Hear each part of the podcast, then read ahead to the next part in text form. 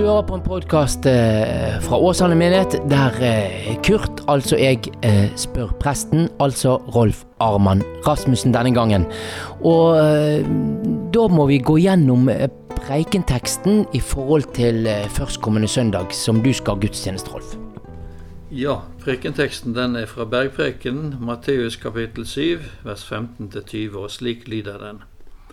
Vokt dere for de falske profeter de kommer til dere i saueham, men innvendig er de glupske ulver. På fruktene skal dere kjenne dem. Høster en kanskje druer av tårnebusker eller fiken av tistler? Et godt tre bærer god frukt. Et dårlig tre bærer dårlig frukt. Et godt tre kan ikke gi dårlig frukt, og et dårlig tre kan ikke gi god frukt. Hvert tre som ikke bærer god frukt, blir hugget ned og kastet på ilden. Derfor skal dere kjenne dem på fruktene.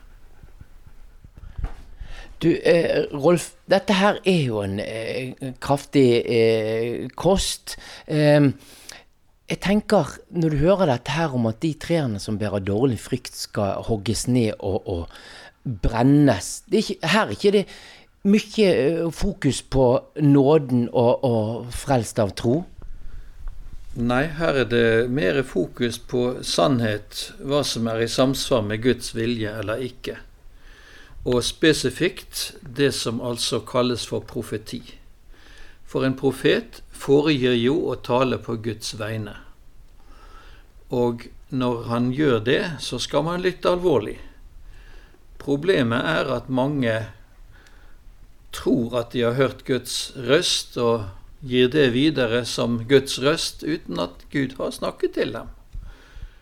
Og da er det på tide å ha en kritisk sans. Ja, hvordan skal vi være kritiske til det da, Rolf? Ja, vi skal være kritiske til det som ikke stemmer med det vi allerede har fått i Bibelen.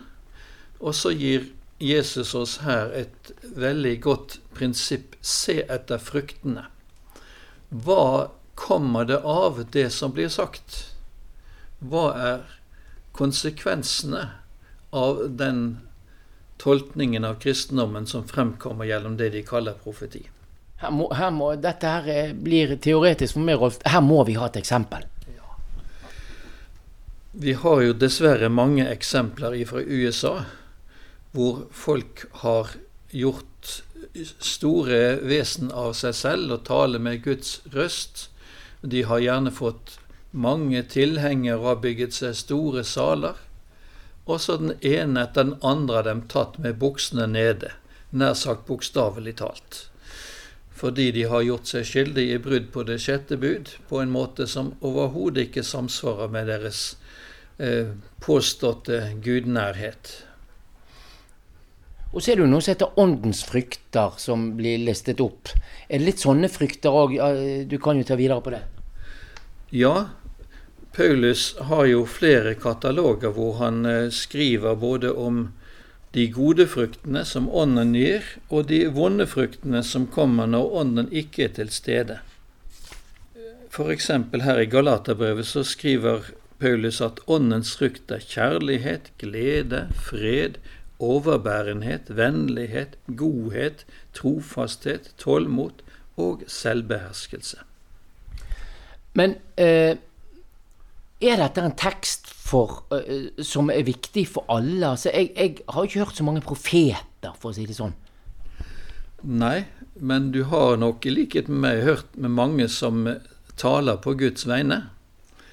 Prester, predikanter tar jo sikte på å gjøre det. Det er jo ikke seg selv de skal fremheve, men han som de taler på oppdrag til. Og det er jo på grunnlag av det som Jesus sier til disiplene, at den som hører dere, hører meg. Det kunne han si fordi han visste hvem de var.